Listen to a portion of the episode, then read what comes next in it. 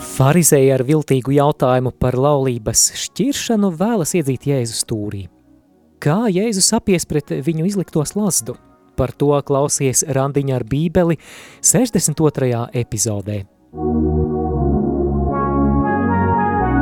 Randiņš ar bībeli Studijā Māris Veliks.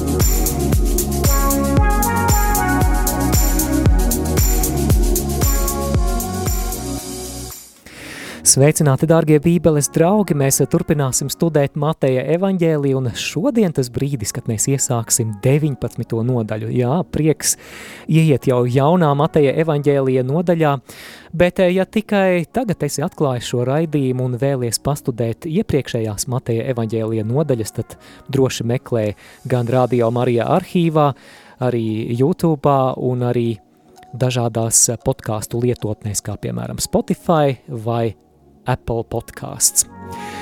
Šo raidījumu var arī skatīties video formātā Radio Marija Latvija YouTube kanālā un Randiņš ar bībeli Facebook lapā, un sirsnīga pateicība ikvienam, kas arī palīdzat Radio Marija saturu izplatīt, nošērojot, ja padodot tālo, tālāk, iekomentējot, jo lielāka klausītāju un skatītāju aktivitāte sociālajos tīklos, jo tālāk radio Marijas saturs tiek aizsniedzot arī tos, kuri ikdienā radio neklausās.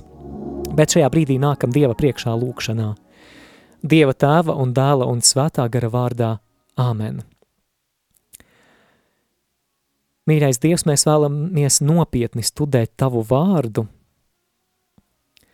Šeit mēs esam tādi, kādi mēs esam – Tu mūs redzi, tu mūs zini, tu redzi, kas ir tieši ķēršļi, kas mums traucē ieklausīties tevi, tevī ikdienā.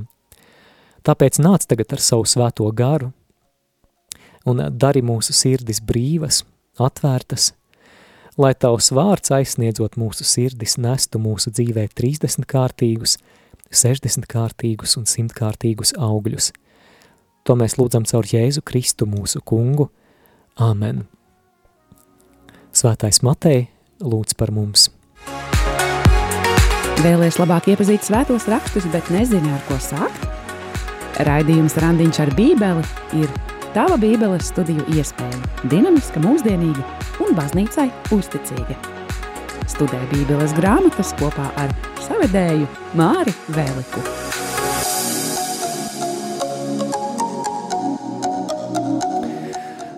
Šodien diezgan skarba tēma šīs epizodes nosaukums ir par laulību un tās šķiršanu, jo tieši šai tēmai ir veltītas nākamās 15 rindiņas, jeb 15 panti Mateja evaņģēlija 19. nodaļā. Mēs šodien lasīsim no 1. līdz 15. pantam, un viss sākas lūk ar ko lasām pirmo un otro pantu.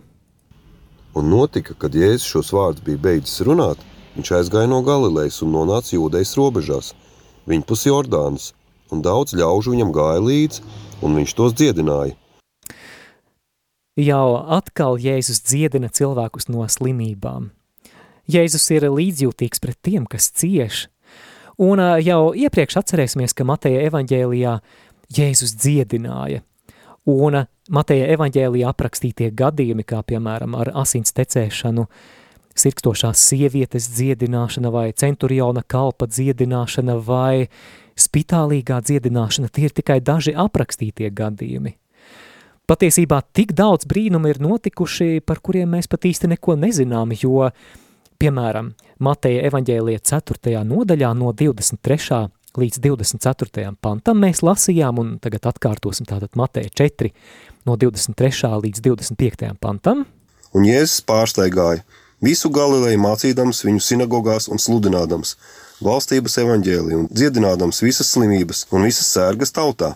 Un viņa slava izpaudās pa visu Sīriju, un pie viņa atnesa visus neveselos, dažādu sērgu un sāpju pārņemtos, un ļaunagaru apsēstos un mēnessardzīgus, un triekas ķertus, un viņš tos dziedināja, un daudz ļaužu no Galilejas, no Dekapoles, no Jeruzālemes, no Jūdejas un aizjordānas sekoja viņam.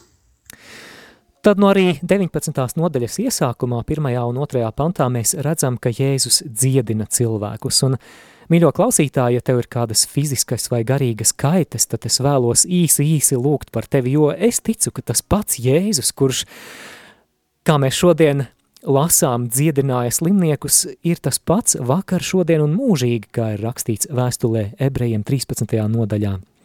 Patiešām Jēzu pieskaries tiem klausītājiem, tām māsām un brāļiem, kuri sirkst, kuri cieš, dāvā savu mierinājumu, kungs atjauno veselību, kungs, lai šī raidījuma laikā notiek zīmes un brīnumi. Kungs, mēs nākam šeit tavā vārdā un tu esi apsolījis, ka tu būsi mūsu vidū. Mēs slavējam tevi, Jēzu. Jēzu, caur tavām brūcēm mēs esam dziedināti. Pieskaries ikvienam Jēzus Kristus vārdā. Āmen!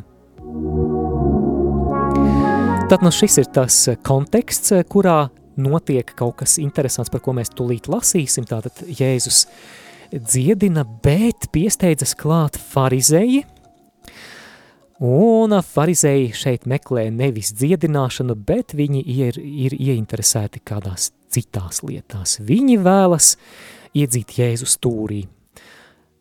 Jau iepriekš Mateja evaņģēlijā mēs lasījām par to, ka farizēji ļoti, ļoti vēlas pieķert Jēzu kādā vārdā vai kādā darbā, lai viņu varētu apsūdzēt un nogalināt. Piemēram, Mateja evaņģēlija 12.14 mēs lasījām par viņu plānu, ka Tad farizēji izgāja un sarunājās pret viņu un nolēma to nogalināt. Nu, kāds laiciņš ir pagājis, bet uh, farizēju plāns paliek spēkā. Viņi nav pārdomājuši, jo projām viņu sirdis ir iekaisušas, iekarsušas naidā, un viņi vēlas tikt galā ar šo, šo viņiem tik nevēlamo, tik netīkamo mācītāju. Un uh, Kas tad ir tie vārdi, ar kuriem farizēji Jēzu uzrunā? Lasām Mateja 19. nodaļu, 3. pantu. Un farizēji nāca viņu kārdinādam un sacīja, vai ir atļauts šķirties no savas sievas katra iemesla dēļ? Jā, vai ir tiesības šķirties no sievas katra iemesla dēļ? Interesanti, ka šādi strīdi par šķiršanās legālajiem iemesliem Jēzus laikā virmoja gaisā notika reizēm ļoti spraigas diskusijas. Interesanti, ka tajā laikā viena daļa farizēju sekoja konservatīvajai rabīna Šemaja skolai, kas pieļāva šķiršanos tikai laulības pārkāpšanas gadījumā. Jā, tātad tikai tad, kad otrā pusīte ir neusticīga, tad tas ir pamats šķirties. Savukārt cita farizēju daļa sekoja liberālajai rabīna Hilēla skolai. Un saskaņā ar Tā ir raksturīgo pārliecību, pat tāds sīkums kā vakariņu, piededzi, kā vakariņu piededzināšana varēja kļūt par pamatu laulības šķiršanai. Ē, sieva, kas te atkal par ēdienu? Kāpēc putra piedegusi? Jā, tas bija pietiekams iemesls, lai šķirtos. Un ir bībeles komentētāji, kas uzskata, ka farizēji šeit mēģina Jēzu ievilkt šajos farizēju starptav, savstarpējos strīdos un izdabūt no viņa ārā, kurai tad no pusēm viņš ir gatavs pieslieties. Tomēr uh, vairums bībeles pētnieku uzskata, ka farizējus lasts šeit ir kādā citā aspektā. Kur tad ir šī slazda būtība? Vispirms sāksim ar to, ka šajā pantā, kuru mēs tikko lasījām trešajā pantā, Vecajā tulkojumā ir vārds kārdināja, farizēja kārdināja, jaunajā, jeb 2012. gada tulkojumā ir farizēji izaicināja Jēzu. Oriģināla tekstā šeit lietot sengrieķu vārds peirazontes, kārdināja. Interesanti, ka šis pats vārds ir lietots arī Mateja evaņģēlija 4. nodaļā, brīdī, kad vēlns kārdina Jēzu. Tieši tas pats vārds. Tātad mēs redzam, ka farizēju motīvi tuvojoties Jēzum un viņu uzrunājot ir ļauni. Tā ir provokācija, lai Jēzu iedzītu stūrī.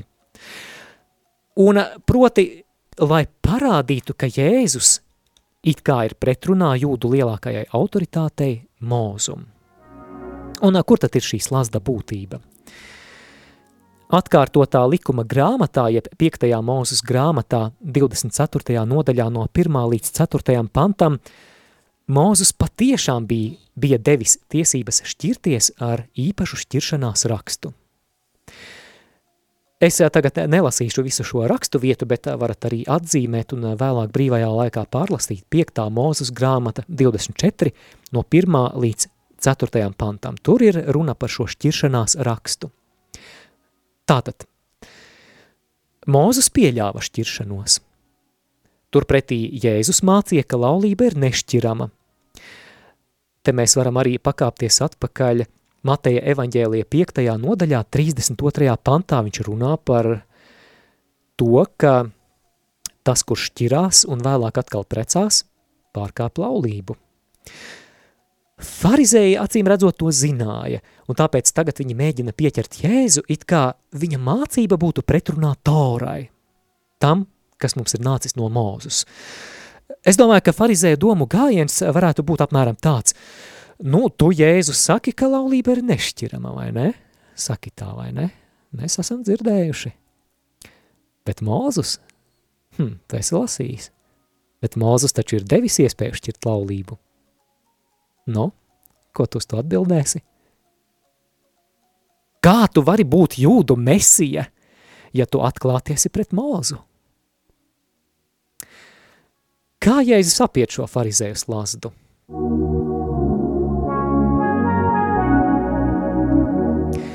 Interesanti, Jēzus ir gudrs. Šis nav vienīgais gadījums, pēc tam Mateja evaņģēlijā vēl būs citas provokācijas, kur Jēzus iziet no pret viņu izliktās lazda ar patiešām apbrīnojumu gudrību, ar vārdiem, kurus farizēji pat nav gaidījuši. Un šajā gadījumā viņš farizējus atspēko citējot pašu mūzu, ar kuru, kā mēs dzirdējām, viņi gribēja Jēzu iegāst. Un Jēzus tālāk, kā mēs tūlīt arī lasīsim, citē radīšanas grāmatas pirmās nodaļas 27. pantu un radīšanas grāmatas otrās nodaļas 24. pantu. Nu, te ir jāatgādina, jāatgādina, ka tradicionāli Toras, jeb Mūzes grāmatu, jeb Pentateiha izcelsme tika saistīta ar Mūzu.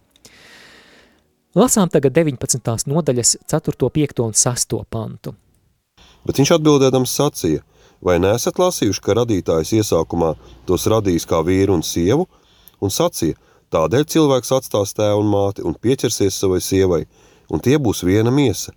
Tātad viņi nav vairs divi, bet viena miesa, ko nu Dievs savienojas, to cilvēkam nebūs šķirt. Wow, wow, wow, šādu atbildi farizēji gan nebija gaidījuši. Jēzus viņus atspēko ar tā paša mūzus vārdiem, ar kuriem, kā jau minēju, viņi gribēja Jēzu iedzīt stūrī. Jēzus aicina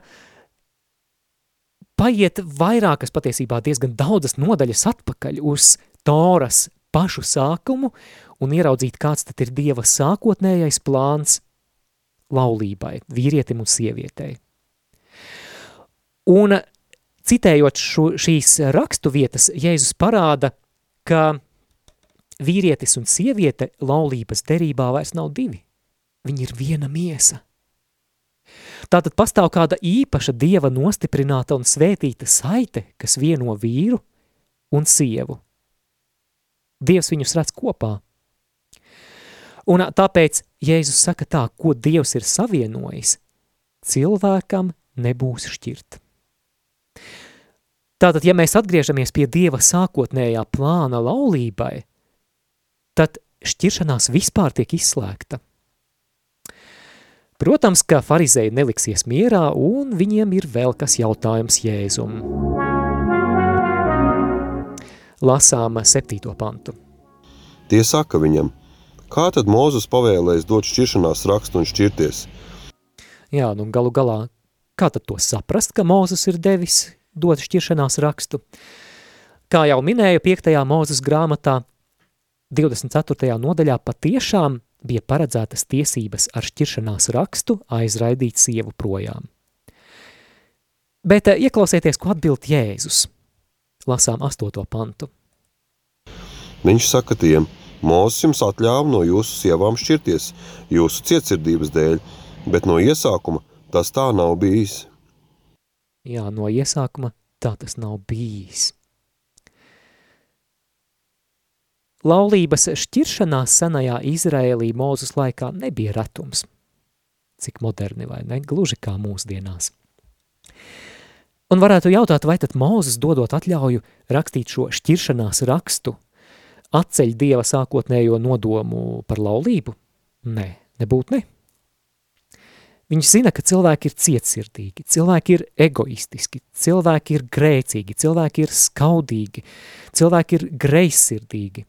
Cilvēki tik un tā šķiras. Un Mūzes šajā piektajā Mūzes grāmatā, jeb atkārtotā likuma grāmatā, ievieš juridisku kārtību, kādā šķiršanās ir īstenojama. Un tas notiek caur šķiršanās rakstu, oficiālu šķiršanās rakstu. Tātad, lai vismaz būtu kaut kāda kārtība, reķinoties ar šo tik nožēlojamo cilvēciskās dzīves realitāti. Tātad, likumdošanā Mūzes it kā pazemina to likuma latiņu, pielāgojot tā brīža skaudrajai realitātei, ka cilvēki šķīrās, ka cilvēki bija cietsirdīgi, ka vīri bija cietsirdīgi pret savām sievām, Un līdz ar to drīzāk būtu jāsaka, ka Mūzus nevis atļāva šķiršanos, bet Mūzus pieļāva šķiršanos. Vēlreiz, Mūzus nevis atļāva šķiršanos, bet Mūzus pieļāva šķiršanos. Kāpēc? Jēzus saka, jūsu cietsirdības dēļ. Un piebilst, ka no iesākuma tā tas nav bijis.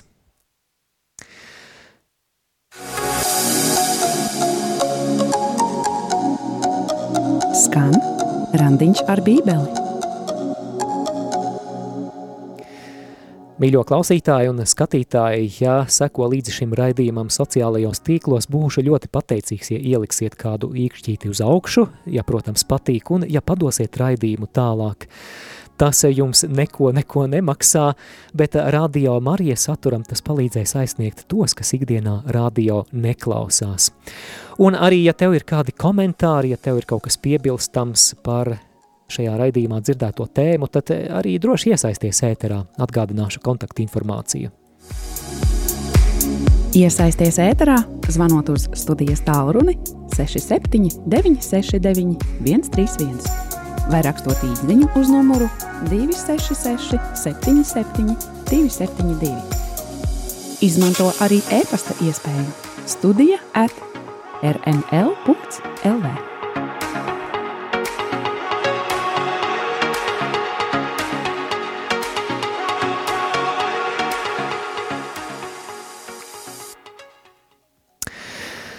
Tūlīt lasīsim Mateja evaņģēlija 19. nodaļas 9. pantu.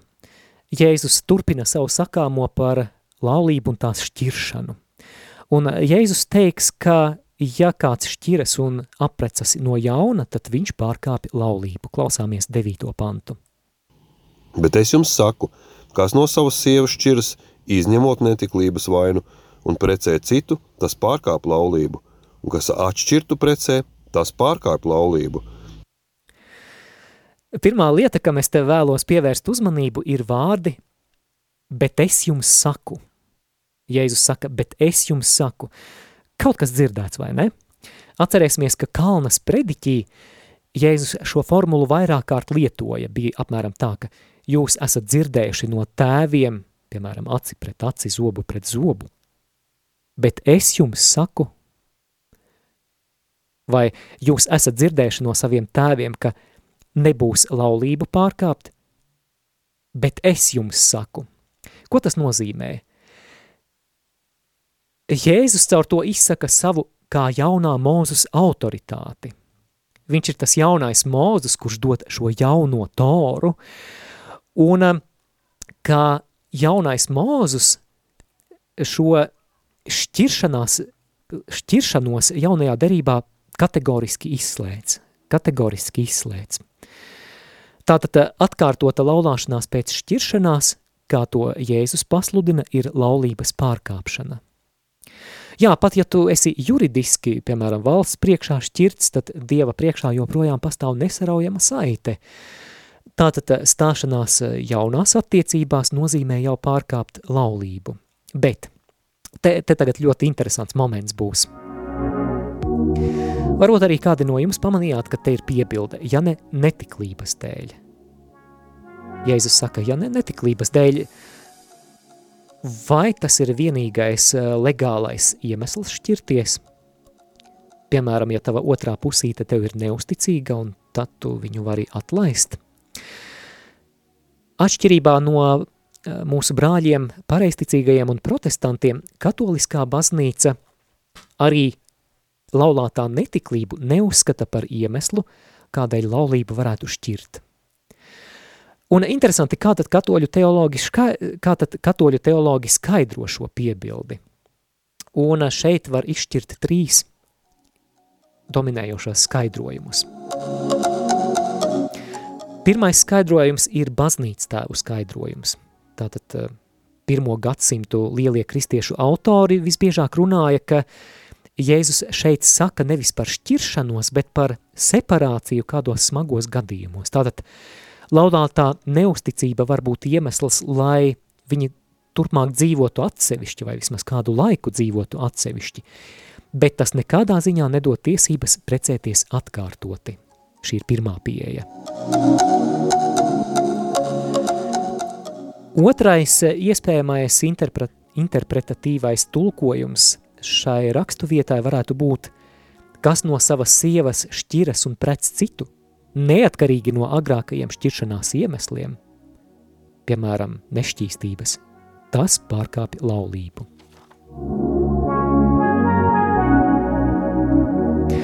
Un trešais levītiskais skaidrojums. Vecajā derībā ar vārdu netiklība apzīmēja arī incestu jeb seksuālās attiecības starp ļoti tuviem radiniekiem. Un tas ir pietiekams pamats, lai laulība nebūtu spēkā jau no paša sākuma, jau no tās noslēgšanas brīža. Tādē, tādējādi šī Jēzus piebilde, ja ne netiklības dēļ, varētu būt tulkojama kā kas no savas sievas šķiras, ja ne nelikumīgas savienības dēļ un pret citu – tas pārkāpja laulību. Tātad saskaņā ar Jēzu un Dieva sākotnējo plānu laulība ir nešķirama.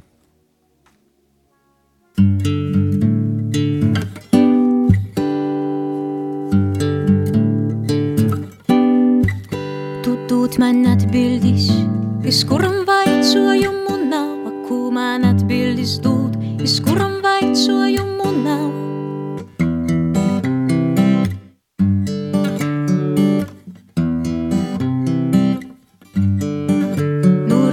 pasamūdu par to, ka atvieru acis, orā izgoju, par to, ka kurposī kopu, vai te dzīva novi, vai mirstoša dzīve, vai mūžīgo dzīve, ņemas neinteresī.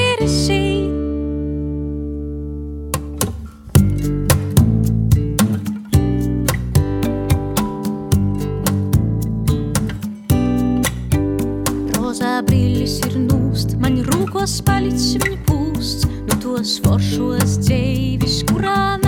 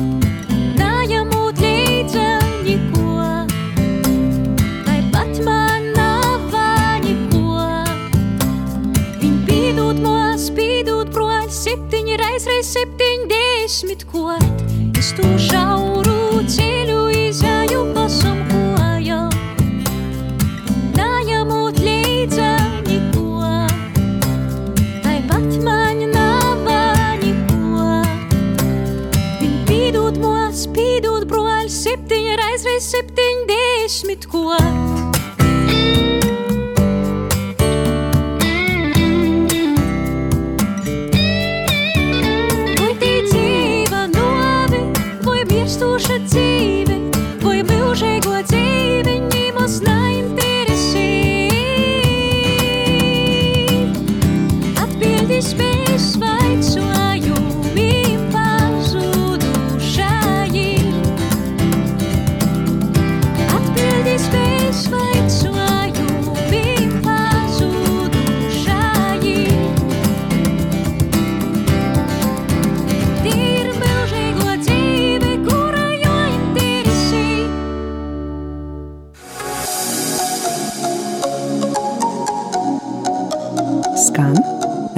randiņš ar bībeli.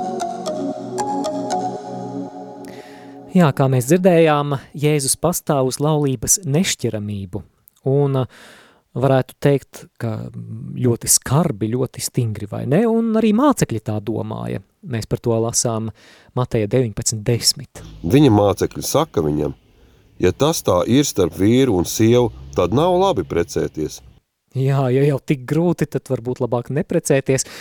Man šķiet arī tik moderna doma, jo arī mūsdienu sabiedrībā ir raksturīgi neuzņemties saistības līdz galam. Bet ja nu mums nesanāk, nu varbūt tad tā labāk vienkārši dzīvojam kopā, kam, kamēr mums būs labi, jo ja kaut kas noies greizi, tad kaut kā vieglāk varēsim iet katrs savā virzienā. Taču Jēzus šo domu par attur, atturēšanos no laulības izmanto, lai pateiktu vēl kaut ko būtisku. 11. un 12. pants. Bet viņš tiem sacīja, ne visi spēja saprast šo vārdu, bet tikai tie, kam tas ir dots. Jo ir bezdzimuma cilvēki, kas tādi no mātes miesākums dzimšanas, un ir bezdzimuma cilvēki einuhi, kas no cilvēkiem par tādiem padarīti, un ir bezdzimuma cilvēki, kas paši sev padarījuši par tādiem debesu valstības dēļ, kas spēj saprast, lai saprot. Jēzus šeit runā par tiem, kas atteikušies no laulības debesu valstības dēļ. Jā, šī ir viena no rakstuvietām par celibātu, par celibātu aicinājumu, kas ir īpašs aicinājums, unikāls aicinājums. Grieķu valodā šeit minēti einuhi. Tuvai, tuvajos austrumos eh, valdnieku galmā tie parasti bija kalpotāji, kur ir kastrēti, lai varētu aprūpēt ķēniņa sievas vai ķēniņa harēmu, nu tā, lai nelien klāt. Un eh, Jēzus saka, ir tādi, kas ir einuhi no mātes miesām, piemēram, varbūt kādi cilvēki, kam ir kādi iedzimti defekti vai kuri slimības dēļ nav spējīgi uz laulību. Viņš runā par einuhiem, par kuriem citi padarījuši ir. Tātad runa ir par tiem, kā jau minēju, par tiem galma darbiniekiem, kalpotājiem, kas speciāli tika kastrēti. Un Jēzus runā par tiem, kas tādi ir debesu valstības dēļ. Nu, protams, ka šeit einuhs ir tikai metafora. Runa šeit ir par atteikšanos no laulības, nevis par ķirurģisku operāciju. Piemēram, mēs zinām, ka Jēzus atteicās no laulības valstības dēļ. Arī apustulis Pāvils pirmajā vēstulē korintiešiem septītajā nodaļā, un viņš pat saka, es vēlos arī, lai jūs paliekat tā kā es, bet tomēr katram ir sava dāvana. Vai vecajā derībā mēs lasām par pravieti Jeremiju, kuru Dievs īpaši aicināja nelaulāties un būt par šo pravietisko zīmi Izrēļa tautai, mm, jā, kā kalpojot kā personai, kas ir veltījusi savu dzīvi Dievam celibātā. Un vēlāk baznīcas vēsturē, protams, tie ir klosteri ļaudis un priesteri, un mēs varam būt pateicīgi par šo skaisto dāvanu baznīcai. Paldies ikvienai klostermāsai, klosterbrālim, kas šobrīd klausās, paldies par jūsu aicinājumu, paldies par jūsu atsaukšanos, paldies jums, priesteri, paldies, ka jūs īpašā veidā izdzīvojat savu aicinājumu un, un tam ir īpašs auglīgums arī garīgajā kalpošanā. Protams, ka tas nav visiem. Ne visi to var saprast, un uz to arī Jēzus norāda. No 14. līdz ne no 13. līdz 15. pantam. Tad atnesa bērniņus pie viņa, lai viņš tiem rokas uzliktu un Dievu lūgtu, bet mācekļi norāja tos. Bet Jēzus sacīja, laidiet bērniņus un neliedziet tiem pie manis nākt, jo tādiem pieder debesu valstība. Un viņš tiem uzlika rokas un tad aizgāja no turienes. Jā, mazliet aizsteidzos uz priekšu. Ne tie panti, jā, bet, bet iepriekš mēs dzirdējām, ka ne visi to spēja saprast.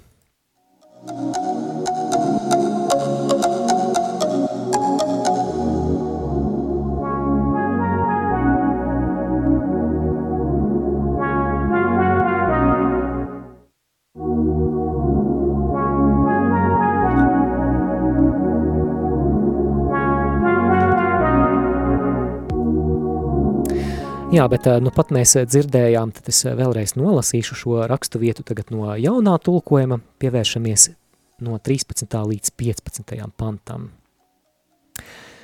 Tad ļaudis atnesa bērniņus pie Jēzus, un viņš tiem rokas, lai viņš tiem rokas uzliktu un par tiem aizlūgtu, bet mācekļi viņus norāja. Taču Jēzus sacīja, laidiet bērniņus pie manis, neliedziet tiem, jo tādiem pieder debesu valstība un uzlicis tiem rokas, viņš devās projām no turienes. Mēs dzirdējām, ka mācekļi norāja bērniņus, kas nāk pie Jēzus. Atgādina mūs pašus draudžu solos, kad mēs mises laikā kurnam, ka bērni rada pārāk lielu troksni, baigais jandāliņš. Bet Jēzus saka, laidiet bērniņus un neliedziet tiem pie manis nākt. Tātad bērni kungam nav traucēklis, nav apgrūtinājums. Tieši pretēji, Jēzus misija ir ievest ikvienu debesu valstībā, ieskaitot pašus mazākos, jo Jēzus saka, jo tādiem pieder debesu valstība. Tātad Jēzus dvēseles pestīšanai neuzliek kādu vecuma ierobežojumu. Dieva valstībā ir aicināts ik viens, sākot no zīdainīša, līdz pat sirmgalvim. Mēs tagad neizvērsīsim raidījumā tēmu par bērnu kristību, bet šī ir viena no rakstu vietām, ar kuru katoliskajā baznīcā argumentējam par bērnu neizslēgšanu no kristības žēlastības.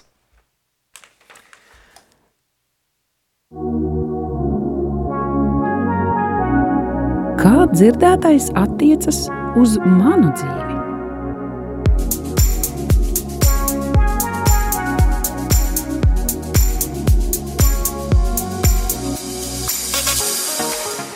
Patiešām, ko mēs varam paņemt no šodienas vārda? Manuprāt, šī rakstu vieta atgādina mums par vairākām ļaužu grupām. Pirmkārt, protams, par laulātajiem, otrkārt par šķirteņiem, treškārt par aicinātiem uz celibātu Dieva valstības dēļ, un ceturtais par bērniem. Es vispirms dažus vārdus vēlos teikt šķirteņiem – lai tas, ko jūs dzirdējāt, neizklausās kā kāda moralizēšana, Dievs jūs ļoti, ļoti mīl. Nevienam no mums nav tiesību jūs tiesāt, neviens no mums pat nevaram iedomāties, varbūt, kam jūs esat gājuši cauri. Jā, tā, tas, kam es ticu, ka, ka Dievs uh, ar lielu, lielu žēlsirdību un līdzjūtību skatās uz ikvienu no mums, un mēs visi esam grēkojuši, katrs pa savam. Un um, Dievs nav jūs norakstījis. Dievs vēlas jums dāvāt kādas īpašas iespējas.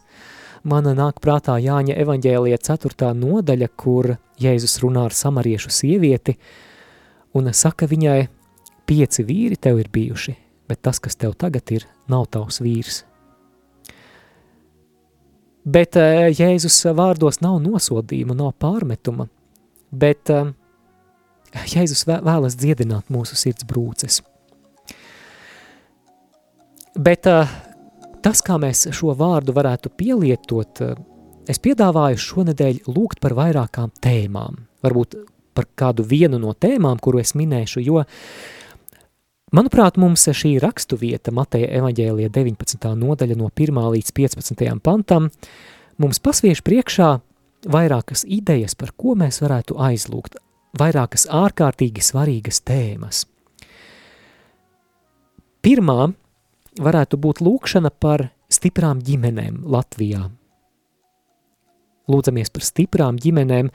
Mēs zinām, ka daudzas ģimenes ir krīzē, ir liels šķirto laulību procents, un te ir vajadzīga dziedināšana, te ir vajadzīga dieva ienākšana, lai dziedētu satriektās sirdis, lai mācītu mīlēt, piedot.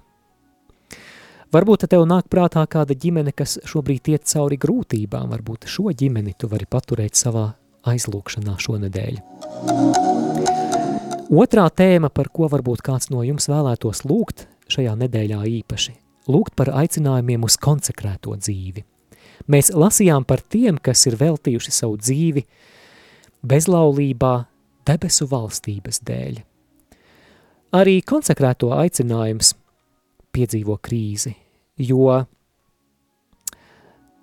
mm, daudzos klosteros šobrīd ir tā, ka nu, nav to postulantu vai noviču.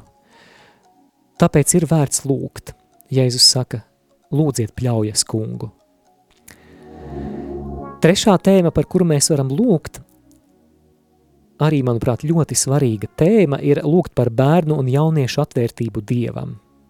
Jo kas galu galā ticības vēsti, ticības uguni nesīs tālāk, ja ne viņi? Šis, protams, ir izaicinājumiem pilns laiks jauniešiem. Dzimumu identitātes krīze, neierobežots saturs internetā, kas var novest arī dziļā, dziļā purvā, un tik daudz, kas var novērst uzmanību no Jēzus. Bet Dievam viss ir iespējams. Un Jēzus vēlas kļūt par pamatu arī bērnu un jauniešu dzīvē, un šeit noteikti nāks par labu arī mūsu lūkšana par jaunākajām paudzēm. Paldies tev par klausīšanos!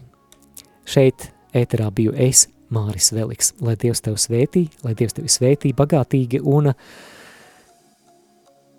uz tikšanos nākamajā nedēļā turpināsim studēt Mateja evaņģēlija 19. nodaļu ar Dievu.